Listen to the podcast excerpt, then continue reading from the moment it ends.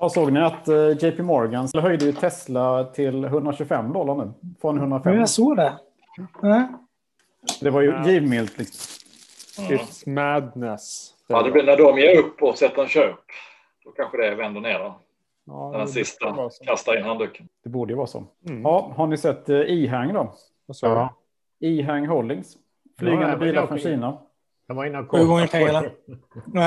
Vad sa du, vi tog ju upp det för eh, tre månader sedan ungefär va? Och då skrattade ni åt mig i podden. Nej, det, nej.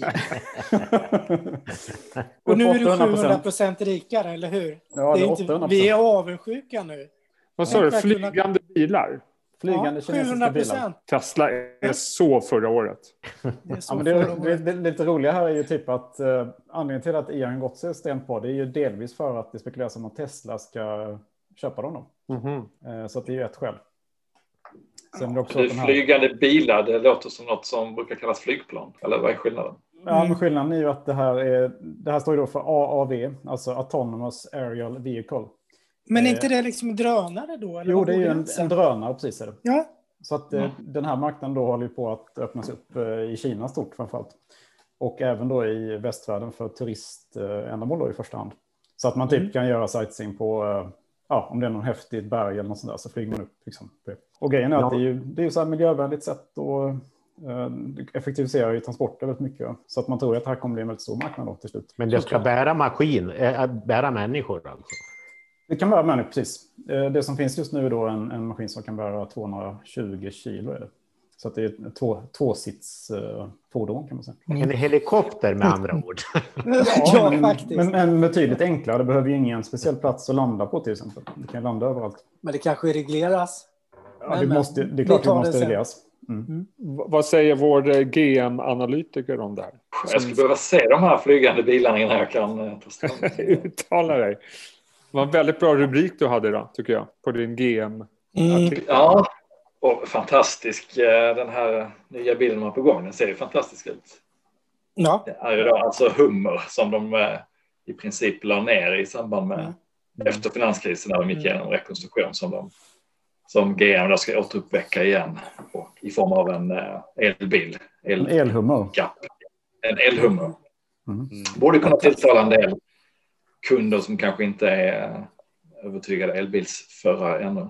Mm. Jag hörde någon sån här, jag vet inte om det stämmer, men eh, när i början på 1900-talet så fanns det ju elbilar, både el och bensinbilar samtidigt Mm. ett tag. Mm. Mm. Men att Mm. eh, någon tyckte att det var mer manligt att satsa på eh, bensinmotorn så att säga. För det var häftigare liksom. Men var inte batterierna jättedåliga? Batterierna var ju för dåliga såklart. Jag tror att de, det är det, de var skitdåliga på ren svenska. Ja, men det är spännande. Det är ett spännande väg, vägskäl för bilindustrin igen. Mm. När, eh, jag menar, för även om Tesla är helt dominerande på börsen och dominerande mediamässigt kanske så kommer det att finnas plats för väldigt många tillverkare på en marknad som är så otroligt stor. Så att, Mm. eh, det är bara att se vem, som, vem av de traditionella biltillverkarna som kan, kan ta en position bredvid där. Och med tanke på att många av dem värderas som om de är på väg att, att backa ner för ett stup så eh, Mm. nu har de hämtat sig under eh, hösten här när personbilsmarknaden har stuckit iväg uppåt igen. Men en del av dem kommer ju att klara det här bra och kunna använda det här kassaflödet från, från eh, fossilbilarna till att skjuta in i, i investeringar i elbilar och sen ta en, en skaplig marknadsandel framåt. Så att, eh, superspännande år framför oss tror jag. Alltså, nu känns det ju nästan som att det bara kommer finnas ett märke på elmark- elbilsmarknaden. Mm. Och så blir det nog inte va? Nej, Men är det så? För Nej, det tycker jag inte kollar... För, för att menar, det, säljs ju, alltså den, den mest sålda elbilen i Sverige är väl Volkswagen just- nu tror jag. Jo, jag, jag, jag vet att det är andra som gör det, men om du tittar liksom på börsen så kan Ja, man tro att det bara finns ett märke. Ja, precis. Mm. Nej, men egentligen. Jag tänkte, för jag kollade grafen på GM. GM är ju liksom tioårshögsta. Mm. Alltså, Jo, det var högsta sen, eh, högsta sen de rekonstruerades då 2009 när man fick in i Ja. Chapter 11. Efter. Men vad är börsvärdet jämfört med Tesla? Eh, åt, Tesla ligger ungefär på 800 miljarder dollar och GM är då en tiondel av det trots att de har plats på bara ett halvår. Men det, Det är ju helt olika ligor. ja, men det som jag funderar över är, det är väl liksom, jag läste en artikel här om att investerarna satsar ju de mer långsiktiga investerarna satsar ju mer på liksom energiframställning och batteri Mm. och sånt. Liksom. Att det är det som är värdet. Typ Plug Power och sånt där. Mm. Ja. Mm. Och Siemens Energy. Mm. Nu ska vi Men att ha, att ha tillverkningskunnandet och kapaciteten den dag man är förbi den här pucken, liksom, när det fossildrivna eh, fasas ut, kan ju bli en stor tillgång i, när man ska massproducera och inte bara vara en nischproducent. Mm. Spännande, spännande. Ja, det blir spännande. Roligt. Men något, vad som är intressant just nu med elbilar också, som eh, vi kanske ska ta upp, det är det här med bristen på halvledare. Det är ju så stor brist på halvledare så att man har fått tvungen dra ner produktionen av elbilar, i alla fall i Europa. Då. Mm. Eh, vilket delvis hänger samman med Trumps eh, Kina-politik. Då, för att man inte har fått köpa halvledare från Kina, vilket gör att de har dragit ner produktionen. Så att det kommer att brist på halvledare då till elbilsindustrin eh, i alla fall eh, i minst ett halvår eller nio månader framåt. Så att man kommer inte kunna rulla ut så mycket man vill. Ja, det låter som att det är en bra eh, sits för vakuumsidan. Atlas har ett stort affärsområde och en av deras konkurrenter eller branschkollegor just inom vakuum var en av, dem, en av många positiva vinstvarningar här inför rapportperioden. Så att Mm. Allt hänger ihop. Mm, allt hänger samman. Har ni några, el, har ni några aktier i fordonssektorn? Nej, men jag funderar på att köpa. Mm. Måste jag säga. Men, men det, är, det är bara för att jag inte tror på liksom den här Tesla-fantasin. Utan jag tror att ja, Chrysler, eh, GM, Volkswagen. Mm. På lång sikt ska ju priset ner väsentligt för att det ska gå över till den här. Ja, ska byta den här enormt stora maskinparken av bensinbilar till elbilar. Så att priset måste ner. Jag får ju krypa till korset. Jag köpte ju Tesla för någon drygt en och en halv månad sedan. Mm. Men, Tänker du Snart ta- på JP Morgan alltså? nej, jag tror ja, men jag har lagt den i min eh, liksom, elenergi, min energi renewable-hörna. Men, men med, med Solar Edge och Enphase Mm. och Arise och den här. Det är liksom, Mm. De ligger där och puttrar lite. Jag ser den kanske mer som en ener- energilagring än en fordonstillverkare. Ja. Ja. vi får se. Du är inte rädd för den där paraboliska utvecklingen som Nej, men jag köpt Brukar en liten, liten förutse en krasch?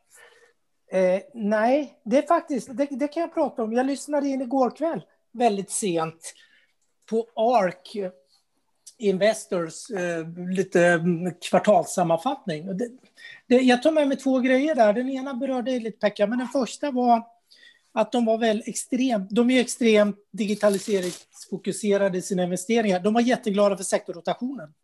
För det tog de som det bästa kvittot på att det inte blir någon börskrasch på ganska länge.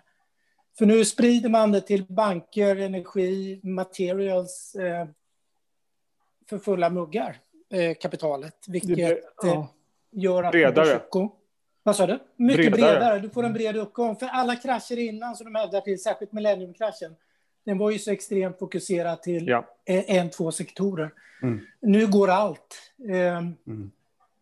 Det förutom där är big- jätteintressant. Eh, Eh, förutom stor tech, big tech har ju gått väldigt dåligt, men små, små tech, small cap tech har ju gått superbra. Den går ju fortfarande jättebra.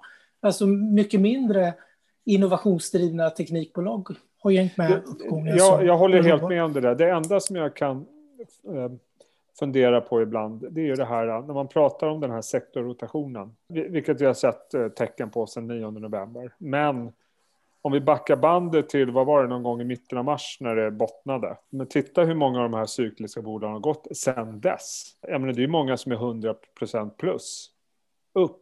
Red, alltså, det är inte så att de har varit nere ända fram till 9 november och sen vände upp. Nej. De har ju gått jättebra. Alltså många av dem är ju på nivåer idag som är högre än innan pandemin bröt ut. Topparna innan pandemin är Mm. man högre än idag. Vilket jag ibland kan få lite, ha lite svårt att förstå. Vad är det som har blivit bättre under den här tiden? Men, men jag förstår liksom rörelsen, absolut. Men ibland så känns det som att det vände upp från den 9 november. Men det har ju vänt upp som allt annat. Med några undantag, fastigheter, bank och lite sånt där som har haft det trögare. Men, men jag menar, storverkstad har gått jättebra. Vi pratade Lindab häromdagen. Den är ju upp, alltså, det är brutala uppgångar på, sen mars. Så att, Alltså det, man kan, det man kan hoppas om man, om man är lite bullish trots allt på cykliskt är ju att som man nästan glömmer idag att innan pandemin kom så, så var vi redan på väg ner i lite Mm. tuffare konjunktur. Sommaren Mm. 2019 började vända Mm. ner.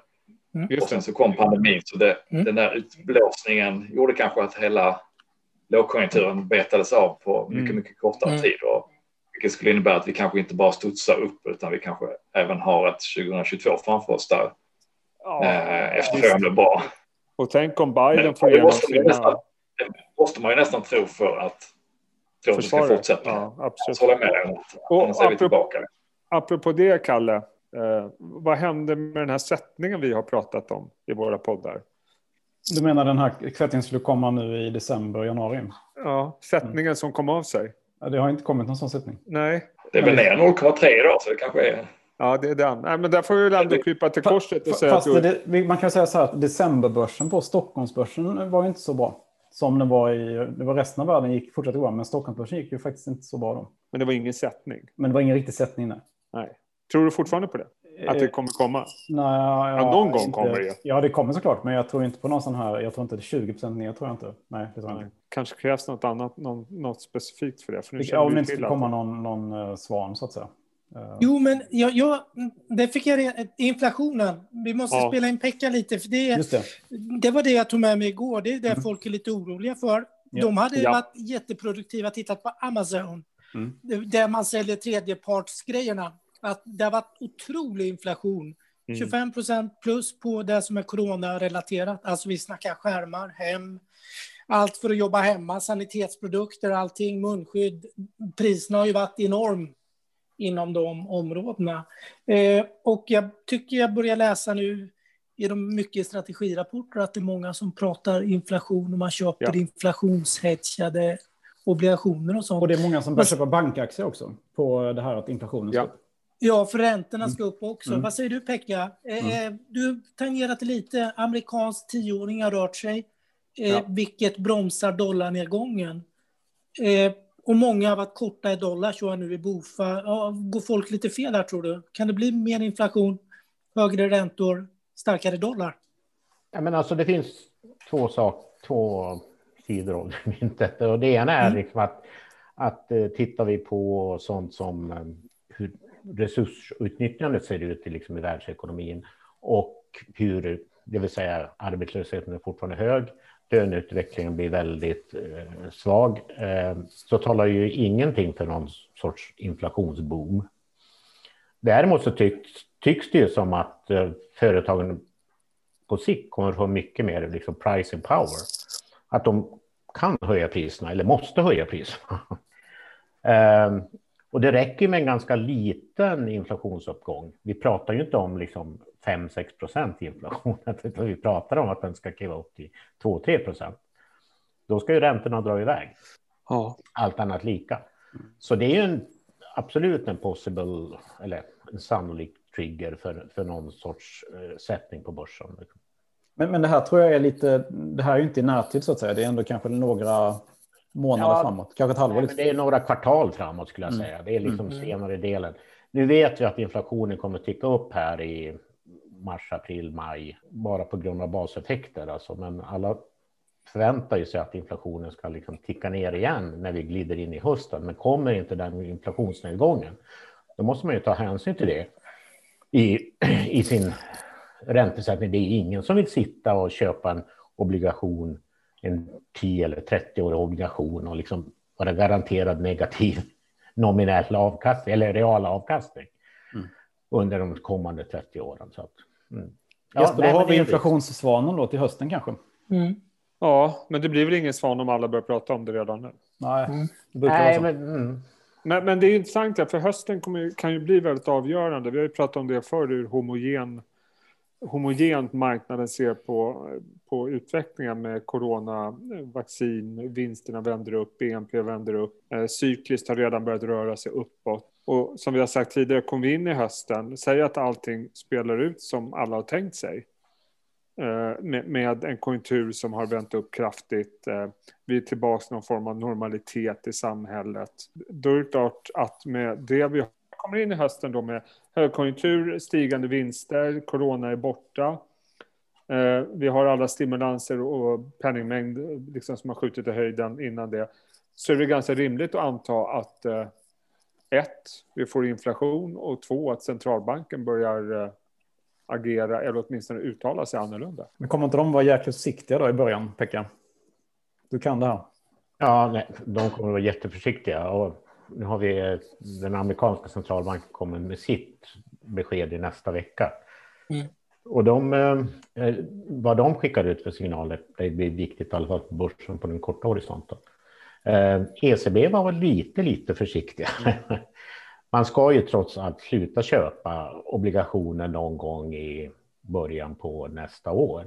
Och alla som var med om den här, när man flaggade för minskade obligationsköp förra gången, så störtdök i börsen. Så det är väl också liksom en, en, då, en inte en svart svan, men en grå svan i alla fall. Mm. Någon gång måste man ju sluta, annars, annars är vi liksom inne i en ny tidsålder när det gäller ekonomi. Liksom. Ja, men det är det jag menar. Just, just, nu är vi inne i liksom den perfekta stormen. Vi har liksom eh, vinster som är på väg upp, corona som är på väg bort. Allt håller på att bli bättre samtidigt som vi har massiva stimulanser. Vi har en, en enormt stöd från centralbanken. Vi har ju liksom allting i det här i korgen just nu. Och det är ju helt omöjligt att det kommer förbli så. Men de har ju varit så otroligt tydliga, centralbankerna, på att de ska hålla det här under en lång period. Så de kommer få ett jättetrovärdighetsproblem om de vänder för tidigt. Ja. Och om de inte väntar tills det överskjuter ordentligt, då, då kommer väl alla att acceptera det. Men om de går före så det är det tveksamt om de vågar göra. Men det, det, det kan väl säga då, nu, nu låter jag som den negativa konjunkturanalytiker jag är i normalfallet. Men, men, men, eh, men, dels är det så att räntorna kommer de inte att röra. Det vill säga nollräntor kan vi räkna med.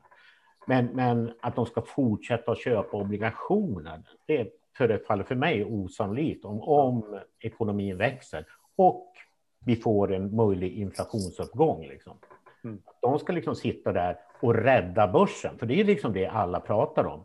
Det är inte liksom att ja, vi slutar obligationer, vi slutar köpa obligationer och ekonomin kommer att krascha. Nej, det är börsen som kommer att krascha, inte ekonomin i stort, liksom för att de mm. slutar köpa obligationer. Eh, jag vet inte om jag vore liksom centralbankschef så skulle jag väl inte bekymra mig så mycket över börsen. Att börsen gick ner 10 eller 20 procent liksom efter en uppgång på åtta år. Mm. Trots allt. Liksom. Mm. Men, men ja, jag, kan ha, jag kan ha helt fel syn. Liksom. Men, men, eh, ja, men och sen, det blev väl en, en nyckelfråga blev väl hur mycket av de här besparingarna som bolagen har lyckats göra för året som faktiskt blir strukturellt beständiga. Mm. Men för nu släpper man på efterfrågan så kommer kostnaderna gå upp igen. Men det, det kommer ju finnas en hel del som som man identifierar. Det vore ju tjänstefel om man är vd någonstans och inte ser, ber alla i organisationen se över vilka kostnader som vi klarar oss utan kan vi klara oss utan även i, i framtiden. Och det är ju lite joker om det handlar om någon tiondels procentenheter på marginalerna eller om det faktiskt är rätt så stora delar som, som blir bestående. Och ska man då värdera det med en låg diskonteringsfaktor så blir det ganska stora värden som man och, och okay. nu, när, nu har ju rapportperioden dragit igång. Vi har inte fått så jättemånga rapporter, men det vi har sett från bland annat Sandvik, men, men även Castellum idag, så är det ju liksom inte någon kris just nu i varje fall. Visst, Sandvik hade negativ organisk tillväxt, men, men det har de ju. De var ju betydligt bättre än vad vi har sett eh, tidigare kvartal. Eh, rörelsemarginalen var jättebra. Castellum, positiv underton. Nettouthyrningen upp. Så att jag menar, utdelningarna tillbaka. Ingen, utdelningarna tillbaka. inte någon oro direkt. Utan... Swedbank var ute och sa att de ska vilja ha utdelningen igen och så vidare. Så det känns ju inte som att det är kris baserat på det vi har sett än utifrån bolagsrapporterna. Sen är det en massa andra strukturella problem vi har i samhället givetvis. Men, men, mm. Eh, så att det blir väldigt intressant. Och frågan är hur mycket inprisat av det här. Jag noterar att Sandvik eh, rörde sig inte så jättemycket på rapporten. Avanza var ner ganska mycket. Så att det är möjligt att vi börjar närma oss en punkt där, ja, det här var bättre än väntat, men, men det kanske var lite förväntansbilden ändå. Whispers, vad vet jag. Mm. Ja, det kan ju vara mycket väl vara så att vi är på väg att sätta punkt för krisfasen, coronakrisfasen och nu går man ja. in i en fas där förväntningar och, och verklighet eh, matchar lite bättre och det blir mer normal, eh, bedöma en mer normal utveckling. nu, nu går vi dessutom in i en, i en fas här nästa kvartal då basen kommer vara otroligt mycket lägre som man jämför med. Mm. Och, och frågan är hur marknaden reagerar. Alltså, nu, måste ju rapporterna som kommer från vad är det, Q1 och framåt, Q2, vara brutalt mycket bättre. Så det blir ja, spännande tider. Är Ja, alltid spännande tider Jesper. ja, det är klart det är. Det är klart det är. Alltid roligt. En refle- reflektion som jag läste i en artikel här. Vet du vad som är de mest omsatta amerikanska aktierna i volym? Tesla. Ja, alltså nu tänkte jag... Ja. Noterade i USA eller? Eller? Ja, nej, nej, jag noterade i USA. Nio det är de som kanske? Det, det är de som kostar under en dollar. Ah, just det. Det, Ah. det är sånt som, som Ståhl brukar handla ibland. Ja, herregud. Är det här Robin Hood-grejen? Mm. Ja. Ja, men alltså, det, är, det är väl ett tecken på att många chansar på att hoppa Ja, på. men de tänker väl att de får många aktier för pengarna. Liksom. Mm. Det är inte Ja, det fel. får vi också. Men eh, för att vara lite seriösa där så är det ganska intressant eh, att vi har ju två väldigt starka flöden som vi inte har haft på samma sätt tidigare. Och det är dels det passiva flödet som växer och växer. Som är svårt att ha koll på. Men vi har också ett retailflöde som jag uppfattar som enormt stort Mm. Jämfört med Mm. tidigare år. Mm. Eh, och, och det där är två krafter som vi kanske inte riktigt är vana vid. Men jag är fortfarande fascinerad över det som hände den 9 november när Pfizer kom med sitt vaccinbesked. Alltså den rörelsen vi såg, vi har ältat det förut i den här podden, är ju både fascinerande men också lite läskig. För det visar ju lite grann vad som, komma, eller vad som kan komma framöver. Jag menar, vad, de här flödena bestäms för att ah, men vi ska inte vara i tech. Alltså då kan vi ju få nedgångar på 20-30 procent på enskilda aktier utan någon som helst fundamental eh, motivering. Mm. För den rörelsen vi såg, det, vad vad var den här spreaden mellan Delta och Zoom som jag brukar älta? Den var väl typ 100 procent på en timme. Jag kanske överdriver, men, men det är ju enorma krafter. Mm. Plus då Ja, det är retail. Men För att vi ska få det här eh, börsras som vi diskuterade i, i november och december, jag vet att jag var en av dem. Mm. Men, men då krävs det ju att vi får en sån här rörelse där, där liksom de här stora, eh, stora investerarna börjar röra på sig. Mm. Det som hände i, i mars var ju att folk tvingades att sälja. Ja. För att folk plockade ut sina pengar. Och ska man ha ett sånt börsfall igen så, så måste ju de här börja, indexfonderna och andra, börja sälja brett. Mm. Och det ena föder det andra. Liksom. Och det, Ja. det, det är nog den största risken jag ser. Samtidigt har vi ju hela tiden Sara liksom, att tänka på. Mm. Eller Tina, ursäkta. Tina, Tina, har vi tänkt jag på. tänkte Sara, nu måste jag tänka, är det någon ny jag har missat? Sara är Jag missat något. Ja, Sara är i militären ju. Sikta, andra, riktas, avfyra liksom. Tina och FOMO har vi nu eh, samtidigt. Och Sara, det ska, jag ska googla det vad det betyder. Men det, Bara den svarta svanen kanske. Sara. ja, det är spännande. Men jag har några positiva grejer. Jag Ja, tänkte, nu vi, jag tänkte två, två spaningar. Vill ni höra? Jag har det är sagt klart. det innan. Nibe, Nibe 290 spänn nu. Det blir Mm. en split. Mm. Det blir fjärde split. Du ska aldrig sälja den här gången hoppas jag. Man ska aldrig sälja. Hade man haft 100 spänn från början, eller 100 aktier från början, är det Mm. 1600 idag Mhm. och kan bli många, många tusen om när den här split, den, den splitten blir i vår. Jag tror de tar upp det på stämman någonting. Spaning nummer två. Investor har ju gått som tåget. Det slog mig. Den är upp eh, 50 procent sen eh, botten i mars, sa jag precis. Du, den är upp 150 procent på fem år eller något sånt där. Den har Mm. gått helt galet. Utan utdelningar också, ex-utdelningar. Mm. Men ett av de viktigaste innehaven i Investor slog mig nu när jag tittade är faktiskt EQT. EQT värderas till över 200 miljarder. Det är större än SE-banken. Det är 10 procent större market cap än SEB. EQT grundades 1994 som en liten startupplåda på Investor. Liksom. Exakt. De fick eh, lite, lite pengar och har det lite roligt. Eh, Det bara slår mig vad som händer lite med vad som är nytt, vad som är hett eh, och vart pengarna går. Nu är P-talet typ 120 och SEB är väl P-tal 7 då, men det ligger i samma ägare, Investor.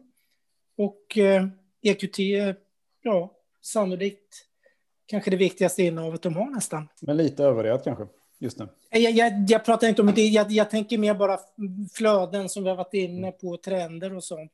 Lite intressant. Jag, jag var inte medveten om att eh, det var så pass stort numera. Om man går in i holding så kollar vilka som är mm, miljardärer, alltså som har sina privata Mm. portföljer som miljardärer. Då är ju de, eh, bland de tio största då finns ju liksom, alla är typ från EQT. Liksom. Ja, men det är väl miljardärfabriken i Ja, det är hur Sverige. många Så miljardärer Det måste helst. vara en... Jag såg att gamla Electrolux-chefen är god liksom för 5-6 miljarder. Stråberg som numera Mm. är där.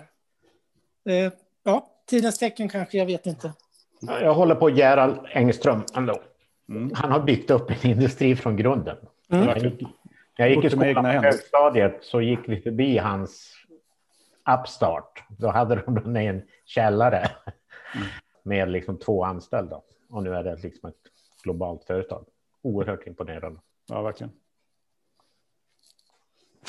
Får jag säga någonting om Nibe också? Ja, Nibe! Ja, ja, ja.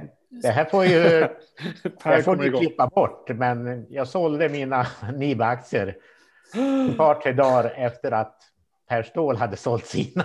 Nej, men jag har ju köpt nu igen. Jag var ju tvungen. Det var den sämsta affären jag gjorde förra året, förutom det tyska betalundret. Jag lyssnade på dig. Nu, Nej, ja, nu struntar jag i splitten i Nibe. nej, ja, jag är ledsen. Förlåt. Men Pekka, du har ju varit ute och letat efter en 10-bagger jättelänge nu. Köpte Ja, du, men du hann inte köpa ihäng i alla fall. Det är i alla fall en 8-bagger nu. Ja. Är det åtta? Jag- Alltså var jag inne och tittade på den paraboliska kurvan. och tänkte att det här kan bara gå åt ett håll. Men jag har haft fel förut som sagt. Mm. Ja. Något mer som någon vill säga? Tyst. Men det är väl eh, ande, ande, Ja, men andemeningen och stämningen är väl ganska svagt positivt må man säga med tanke på, på börsen. Med tanke på att vi har haft stormning av Kapitolium, Brexit, nya lockdowns och ändå är börsen upp. Så att eh, fortfarande så att sådana små, små saker biter inte. Nej, men det är fortfarande det här lite skräckblandade förtjusningen. Eh, positivt, men alla har en liten, liten klump i magen någonstans. Någonstans är Sara där ute. Sara är där hela tiden. Du, eh, Martin, jag har en annan grej som jag tänkte fråga dig. Jag var inne och kollade på eh, dina aktier här nämligen.